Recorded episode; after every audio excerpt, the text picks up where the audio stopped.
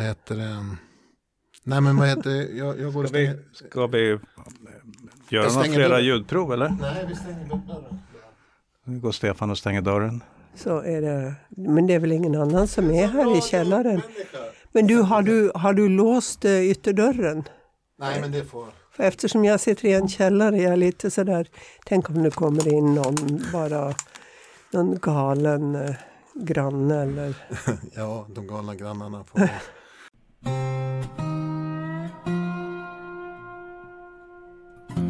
Den här podden heter Berman och Edman och den kommer handla framförallt om tv och 80 och 90-talet. Men vi kommer också att prata om en hel del annat. Lars, Ja. vi har en gäst. Vad, Ja. vad sägs om att säga hej och välkommen? Hej och välkommen Lillmåret Bugge. Tusen tack. Har du varit med i en podd förut? Eh, ja, för många år sedan då Ami som är standup-komiker hade en sån och pratade. Men eh, jag tycker det är lite så, och så, jag har gjort mycket radio, men jag tycker det är lite, jag gillar egentligen bäst att synas Mm. än att prata. Jag är mera fysisk eh, än Psykisk? Psyko- Nej, jag är väldigt psykiskt. Nej, men fortfarande, fast jag är så pass gammal, så tycker jag om att visa hela mig. Ja. Inte bara det jag säger. Jag tycker min röst har blivit så kolossalt gäll. Aha. Mm. Och eh, man hö- hör att jag är gammal, men om man ser mig så... Ser man ju att du inte är... så ser man ju tvärtom. Du, vet du vad jag tänker? Kan, kan vi inte börja lite, lite, lite grann med att vi faktiskt har en fan här? Ja, vi, Du, du, har lyssnat på den här podden. Ja, gud, sen början. Och första programmet var jag grät. Jag ringde Lars efteråt. Jag kunde nästan inte prata. Jag bara blev helt... Jag tycker det är så underbart eh, hur ni pratar och, och berättar om tv som ju har varit min stora eh, konstnärliga inspirationskälla. Tack vare naturligtvis mitt eh, samarbete med eh, Lars i alla år. Men jag tycker ni pratar så fint med varandra och er vänskap och ni lyssnar verkligen på varandra och Ja. ni berömmer varandra och ni beundrar varandra och det är så ovanligt att killar pratar på det sättet. Vet du, får jag berömma dig lite grann? Ja, gärna. För mig är du en sann konstnär. Okej. Fan, du har ju bara sprudlar av energi och skaparlust och att det är det som har drivit dig snarare än liksom kändisskap som gjorde det som många, många eh, ville göra tv. Men det är därför som jag säger ett sann konstnär, för jag har sett dig bara jobba, jobba, jobba. Ja. Jämt, jämt, jämt med nya idéer. Den ena galnare än den andra. Ja, jo, nej, just det kändiskapet som blev efter Daily Live då, 87 till exempel. Alltså, det var jag inte riktigt inställd på och jag blev ju ganska dålig av det och fick eh, scenskräck och panikångest, eh, attacker och fick käka massa tabletter.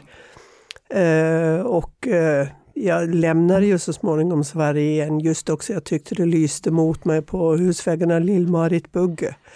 Mm, för så var det ett tag. Och Ja, det, det är den precis. Lill-Marit Bugge som jag först ser i tv och sen också möter. Ja, Men sen så har vi eh, dykt på varandra då och då.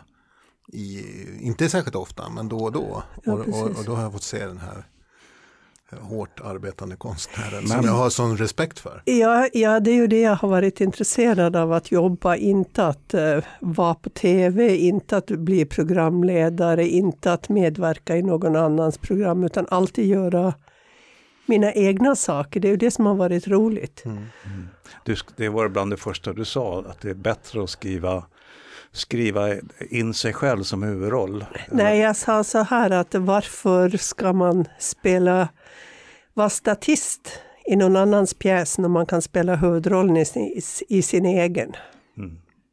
Ja, verkligen. Men, men eh, vi drar iväg. Lars, Ja, ja. ska vi börja med kronologi? Ja, För det vi, är ni, ni två som har det första mötet. Du frågar mig, du kommer ju långt in, Ja. in i händelserna. Ja, vi, får ta oss eh, långt, långt tillbaka till eh, tidigt 80-tal, 84.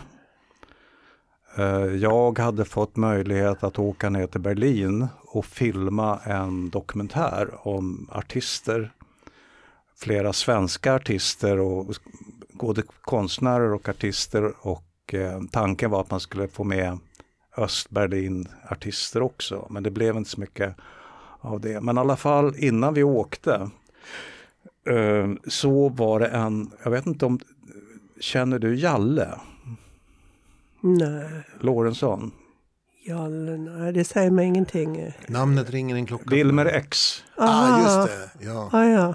Du kan glömma dina ensamma stunder. ja, precis. De är väl Malmö Ja, fa, baserade. fa, precis. jag vet inte om han kände Anna-Lena, det kan vara så. Eh, det är ju också mycket möjligt att han eh, kände Mats Becker. Som Ja. jag ju var gift med en kort period Fiendens musik och fotografen Mats Becker Ja. spelade sax i, från Lund då. Och jag flyttade ju ner till Lund så det är väl... Och sen träffade jag ju Anna-Lena genom eh, Mats.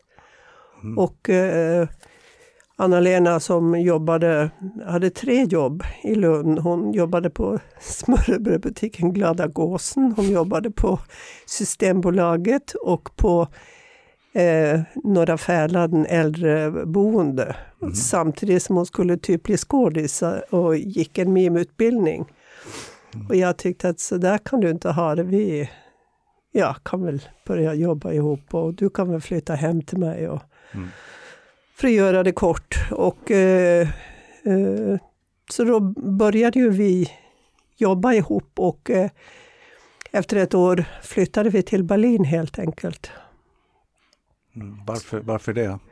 Um, vi, första sommaren vi jobbade tillsammans, eh, då hade jag, jag hade anordnat två år i rad Gycklarfestivalen i Lund, som var en sån stor internationell, internationell festival för clowner, gatuteater, mimare, dansare. Det var så väldigt poppis på i början på 80-talet. Hitta clownen i dig. Ja, som vi letade. Ja, just det, precis. Men eh, jag höll ju väldigt mycket på med gatuteater och improvisation och mim och väldigt experimentella och konstiga grejer. Jag hade ju varit med i en teatergrupp i Norrköping innan, från 76 till 79. Eh, så att då Kan du beskriva vad, vad gjorde ni på gatorna liksom, när du var så experimentell? Ja, alltså det var ju först det här man skulle hitta clownen och så hittade jag någon clown. Jag kommer inte ihåg vad jag kallade henne men hon hade någon sjörövarhatt på sig och eh, istället för den röda näsan så hade jag bara ritat ett svart stort streck runt hela munnen. Och så gick jag på gatorna och upp på containrar och sen citerade jag texter av Antonin Artaud Oh, texter som jag hade hittat på engelska och själv översatt. Och på den tiden var det, kunde man ju inte bara googla och translate. Och, nej, så det var väl mycket egna tolkningar av Artaud också. Va, va, vem är det, Artaud? Det är en sån fransk eh, avantgardistisk eh, Jag har ju min författare, Ja, jag har ju min koppling dit som vi ska prata mer om med Håkan Berta. Så det är, vi, vi gör ju en dokumentär om Galeasen. Ja, Som, eh, De när har- de jobbar med Antonin Antol. ja, jag vet. Mycket, jag, ja. mycket spännande. Ja, jag såg ju det, jag såg ju de pjäserna Ja. de hade. Jag umgicks ju mycket med Richard eh, Günther också Ah. under en eh, period. Så, men det här var ju långt innan, det här var ju... Eh, när var det? då kunde vi 79, ha setts 80? där, för där var jag också väldigt mycket. Ja, precis. Men du, du pratade om Lund nu. Nu, eh, jag, Ja, sl- jag sladdade precis- iväg, förlåt. Jag drog- Precis. Nej, men jag, jag var då i Lund. Eh, eh, jag åkte till Lund efter Norrköping för att Norrgårdsteatern som jag var med i, vi fick för tusende gången avslag på bidrag. Och då kände vi att vi orkade inte längre och eftersom jag i mellantiden hade träffat eh, Mats Becker och vi hade gift oss så tänkte jag att då kan jag väl åka dit min man bor. Mm. Och det var ju så jag träffade Anna-Lena. Det blev inte så mycket med det äktenskapet. Men eh, Mats och jag är ju goda vänner idag. så det är ju inget, inget så. Men det andra blev nästan ett äktenskap ju. Ja, det Anna-Lena och jag har ju hållit på nu i, ja vad är det, 46, nej hur många år är det? 24, 44 år. Mm. Mm. Så, och, och då första sommaren, vi jobbade tillsammans, vi skulle bara känna in varandra. Om, om vi funkar så åkte vi med ett gäng latinamerikanska musiker runt i Europa. Vi åkte till Köpenhamn, till Amsterdam, till Paris bland annat. Och spelade gatuteater. Och Anna-Lena och jag var två pantomimclowner. Som vi liksom tog på väggar och drog i rep och hade små kjolar likadana. Jag, jag kan berätta nu som sitter och tittar på det här så är det en väldigt uh, ungdomlig kvinna som, som låtsas drar i rep och låtsas kettla på väggar. Så att vet. Ja. De, de gesterna kan jag berätta om. Ja, förlåt. Ja, nej, men det, var, det, var, det var väldigt spännande. Men det, de här latinamerikanska musikerna var ju oerhört eh, macho. Och det ja. blev lite för mycket för De hade styltar och de hade saxofoner. Och, och vi höll på där och då vi var i Amsterdam så tror jag det var så att vi bestämde att vi måste lämna dem. Vi pallade inte. Det var liksom också, vi låg tio stycken i ett rum och sov på nätterna och det var jättemycket Tjänade du pengar på den tiden? Supa och röka och Nej, alltså pengar har ju aldrig varit. Nej men vad gick de på? Jag menar, bara, gick de runt med hatt? Och... Ja, ja, vi gick runt med hatt. Okay. Så, vi fick, så vi fick mat för dagen och, mm.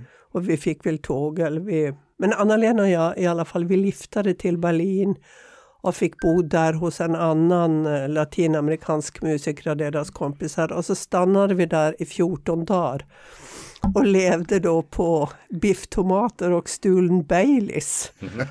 Vi hade liksom inte kommit igång riktigt att dricka och därför var ju Baileys det var ju gott. Stulen Baileys? Ja, vi, vi hade ju inte pengar till sånt. Anna-Lena och jag, vi sa i alla fall det att om vi jobbar tillsammans i ett år så flyttar vi till Berlin.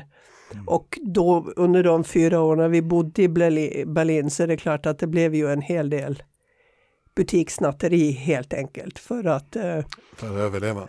Ja, vi hade ju liksom, vi fick ha turnébuss, vi hade strå, strålkastare, vi hade ljudanläggning, vi hade kostymer, vi fick ha en tekniker, vi gjorde egna affischer och foton. Du vet, hade fotolabb i badrummet, marknadsföring, vi gjorde ju allting själv. Och det kostade ju pengar oavsett om vi sydde alla och du vet, det var ju jättekallt. Vi hade ju ingen elvärme i de här olika lägenheterna vi bodde i. Så vi fick ju gå runt och plocka möbler på gatan och elda med. För att, vi fick ju sova i samma säng till och med för att hålla värmen. Mm.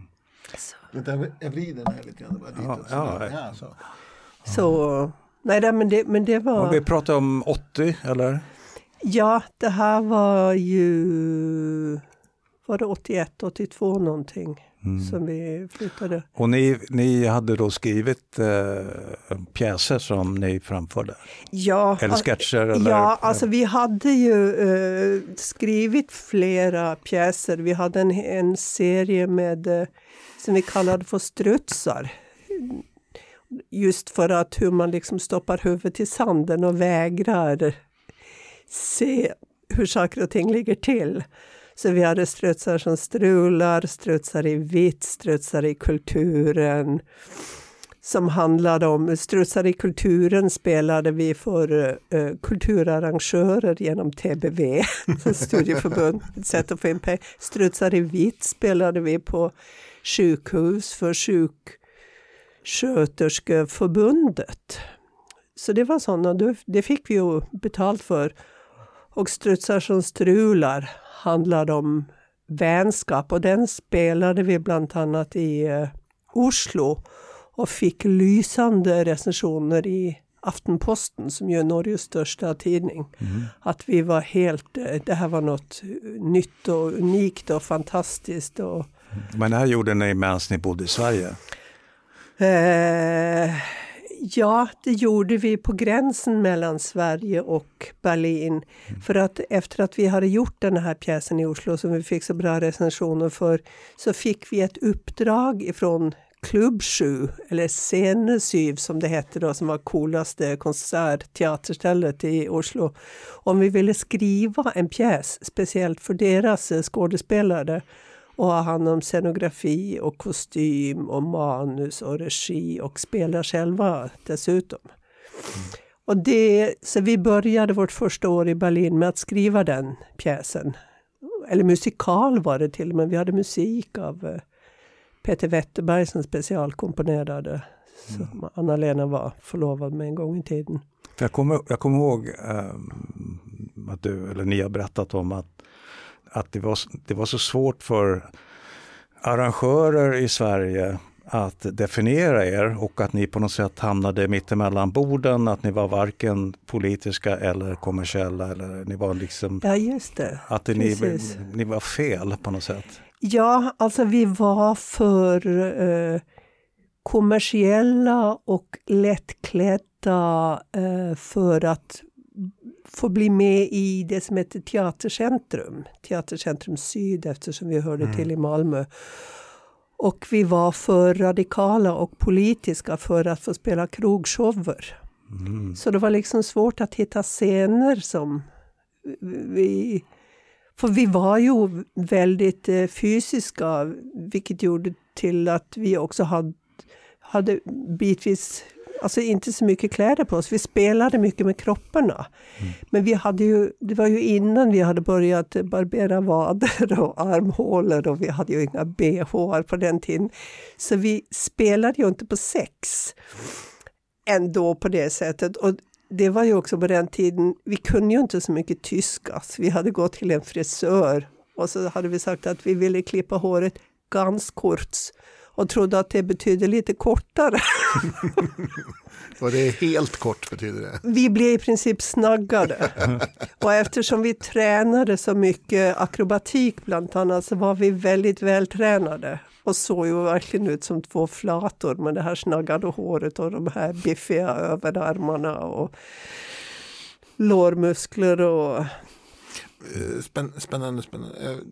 Jag tänker att snart kommer du in i bilden. Och, ja, jag ja, trodde också att du ville... Ja, ja, nej, men ja, det här är bara en liten upp, eh, förberedande övning. Får jag ställa en fråga då? Landskapet. Ja, gör det. Ja, men jag, jag tänker så här, hur såg processen ut då? För det här blir ju ett skaparpar.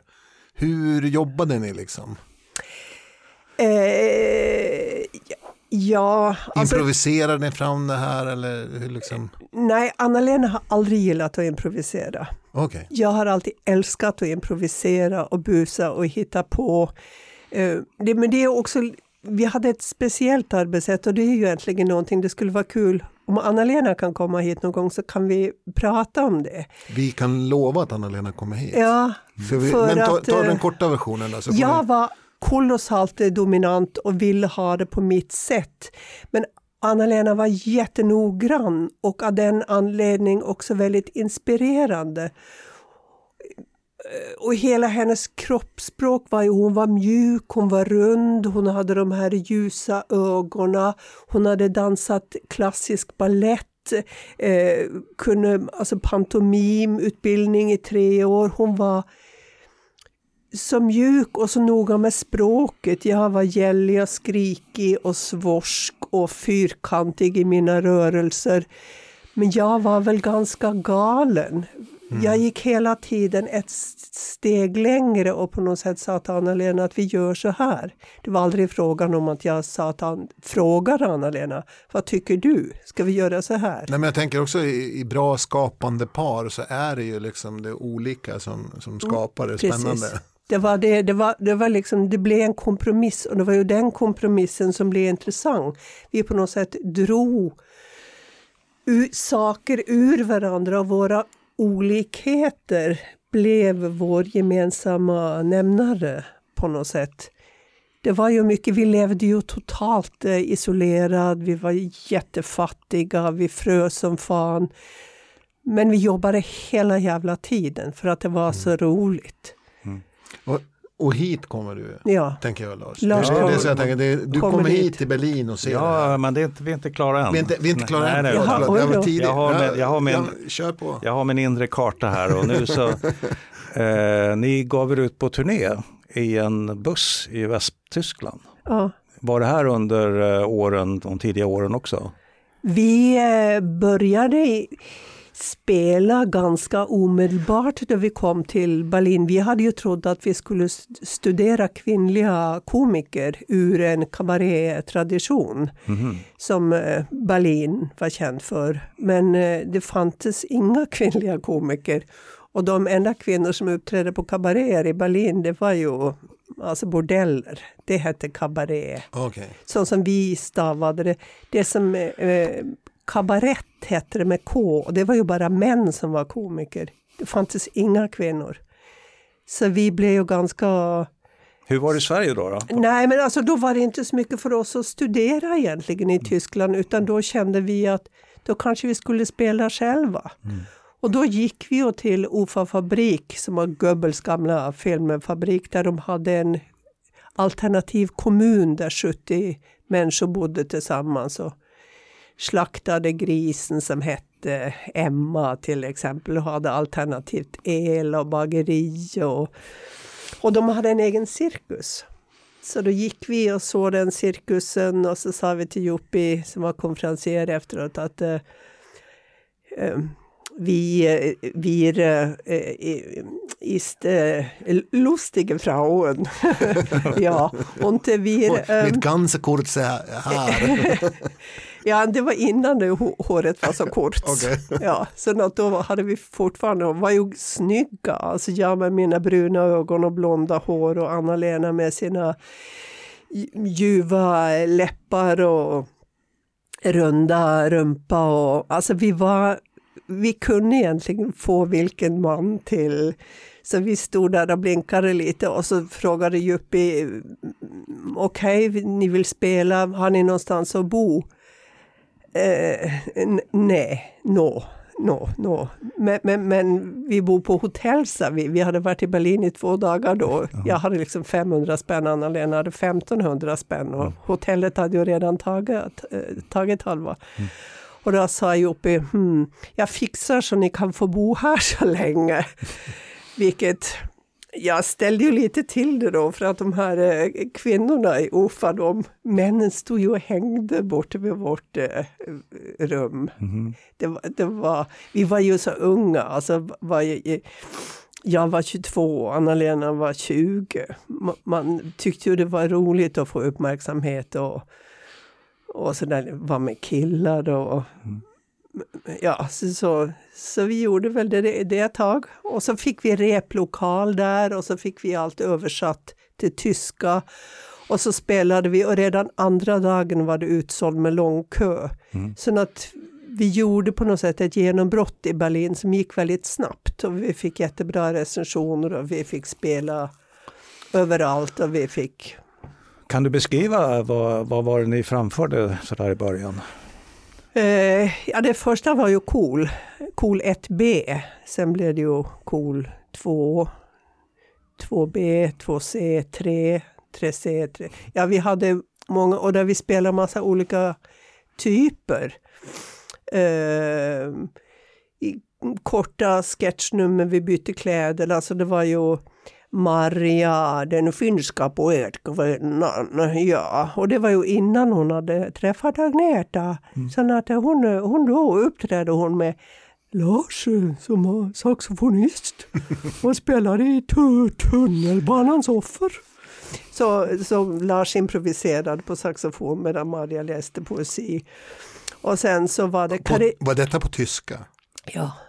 Wow. Ja, och sen så var det Petra Hanke som hatade slagerfestivalen som jag gjorde och som också var inspirerad av Artaud och hade någon slags body poetry som och vi hade modevisning eh, där vi gick ut inkognito på scenen iklädd endast solglasögon. Och du kan tänka dig, vad har man då inte på sig om man bara har solglasögon? Ja, ja, jag ser det framför mig nu, mina ögon eh, snurrar.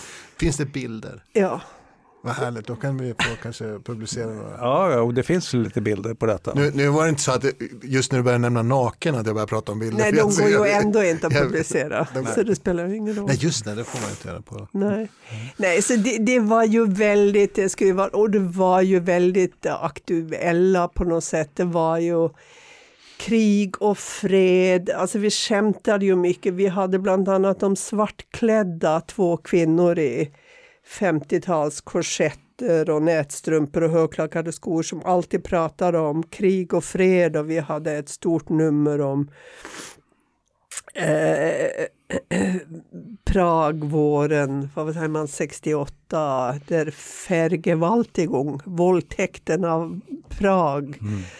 Eh, vi, vi sjöng, jag kommer ihåg den här Soldat, soldat, så grå, så grå, soldat, soldat med stövlar på.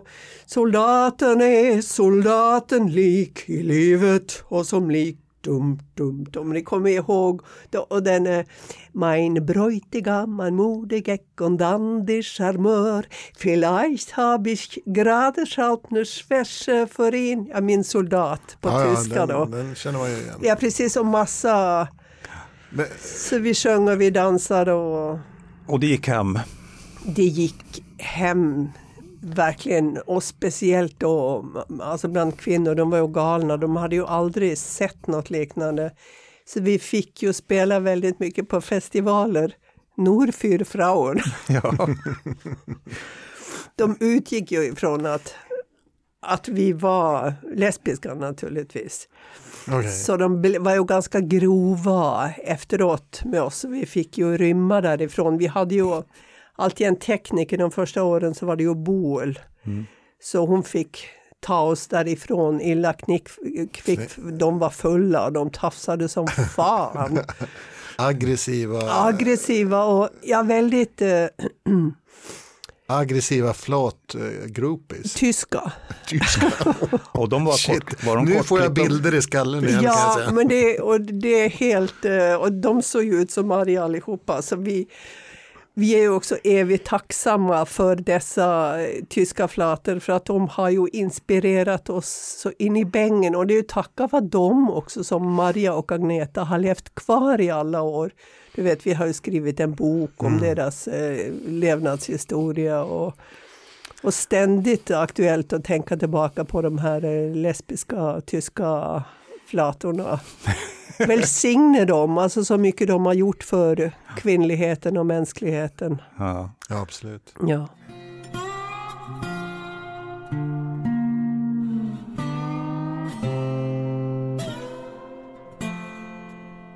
Alltså det är ju inte så lätt det här att bryta sig loss ur en traditionell kvinnlighet och hitta fram till någon slags eh, mänsklighet.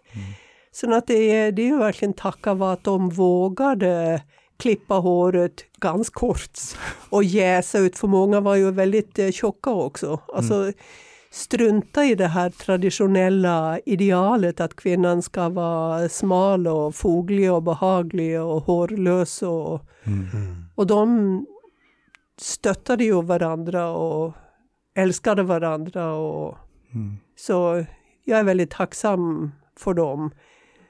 Hur, hur, jag menar, ni landar i Berlin, efter bara några dagar så kraschlandar ni i den här miljön med de här människorna och den, de, den kulturen.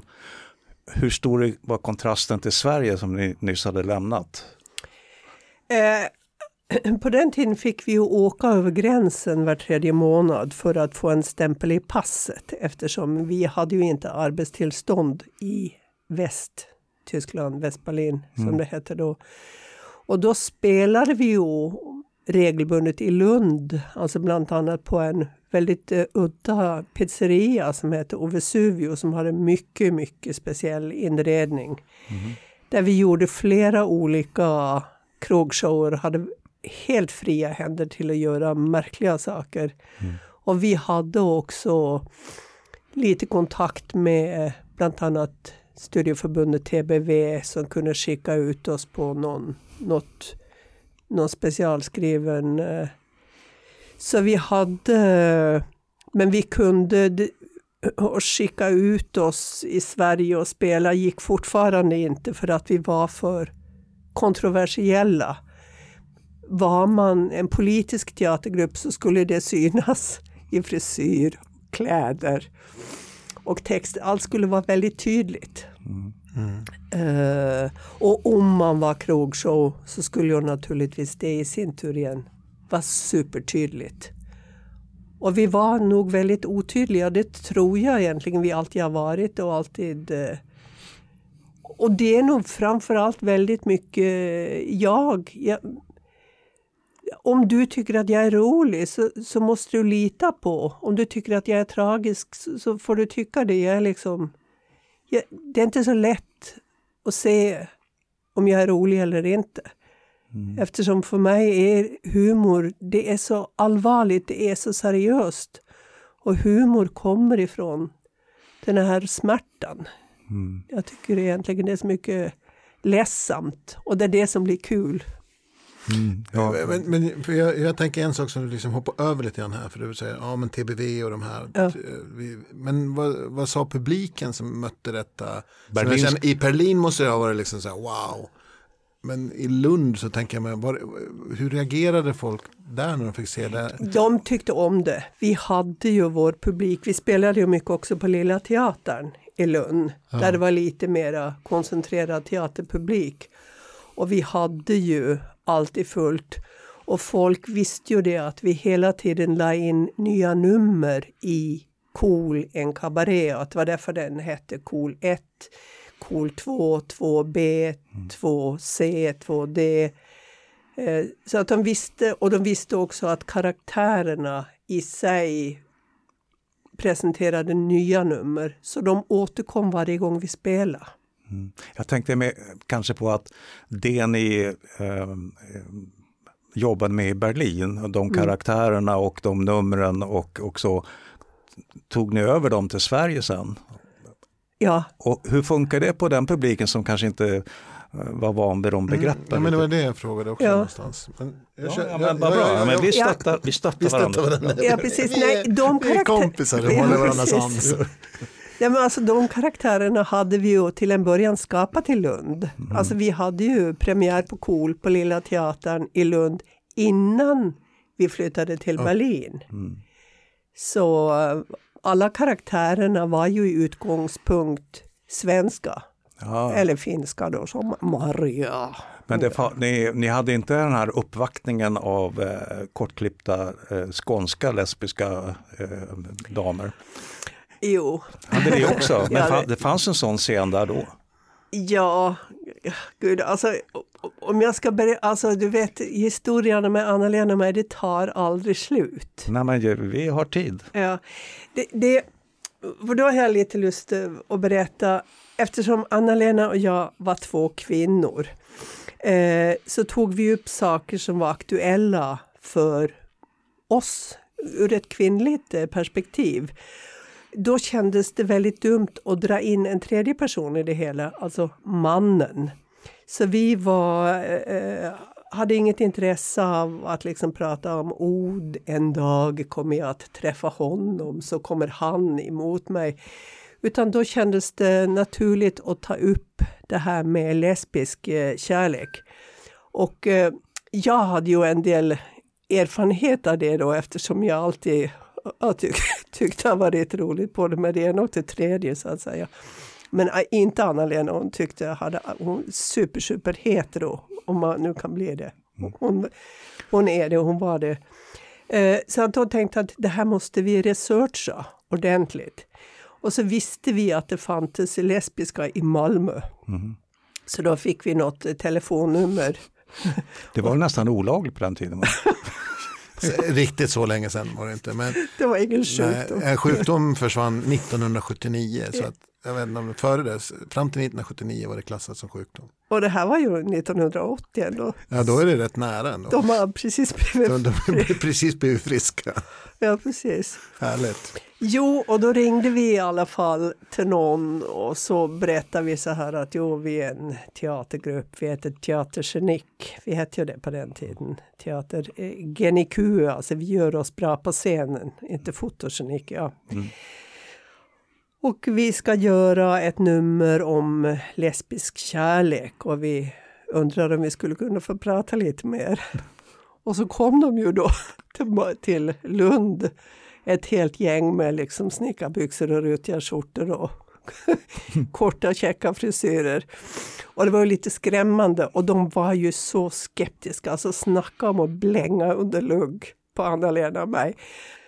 Och eh, då berättade vi, och, och, och då, jaha, vad vill ni veta? Och de utgick ifrån att vi ville ha det här traditionella lesbiska som män tänder på, alltså kvinnor som ligger liksom och gnir sig mot varandra. Och, Ah, ja, ni vet, Ja, ni har jag sett sådana. sånt. Ja. såna- såna- På research alltså. Ja. Ja, ja, vi har hört om sånt. Ja, precis.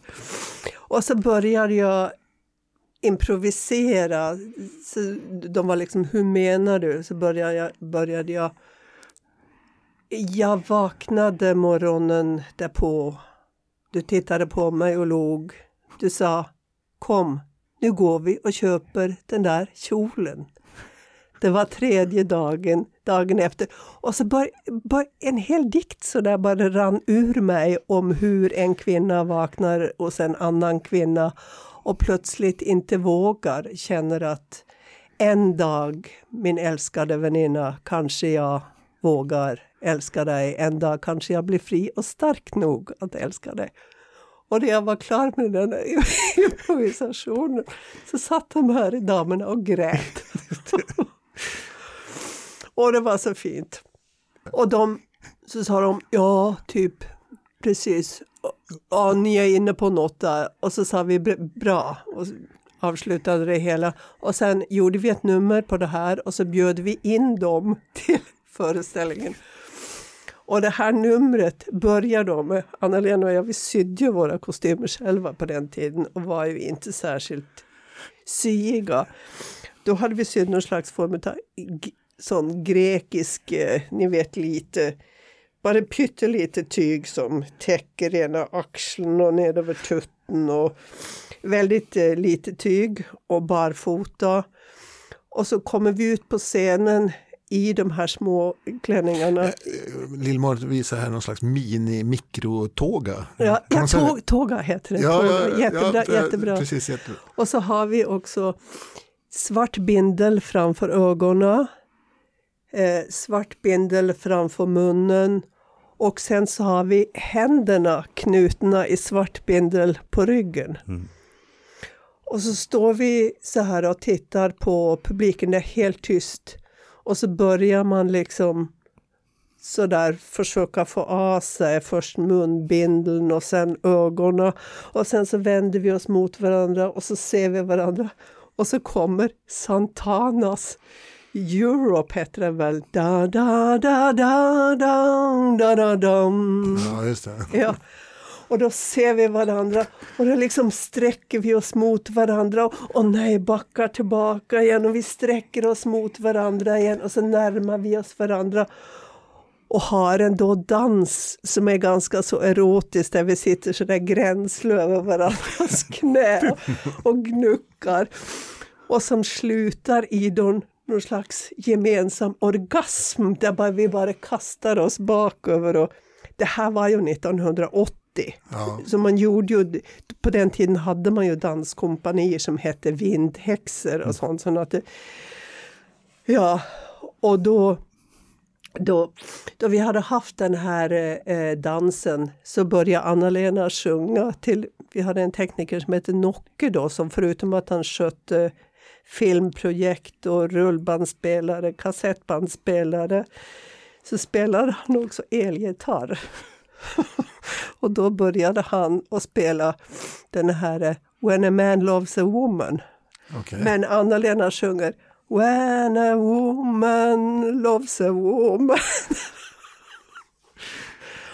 och det här, alltså det här var ju helt, det var ju inte en udda humor. Mm. Och de här flatorna från Malmö. Oh! Alltså de satt ju och storgrät framför. Och publiken var så tagen och jag hade också den här eh, lesbiska dikten eh, i mm. det hela. Mm. Och det här gjorde vi alltså För också på den tiden i början på 80-talet, alltså vi var inte rädda för att vara roliga eller seriösa, alltså allvarliga. Vi var liksom inte...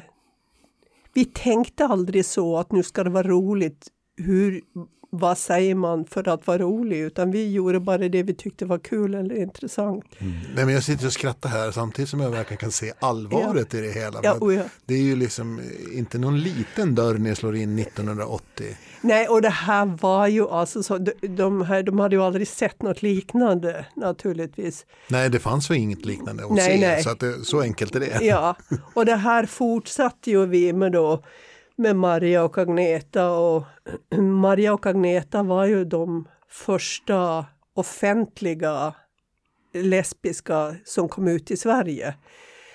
Och då är de ju ändå på personer så att säga. Men så att de har ju verkligen, vi har ju skapat historia genom eh,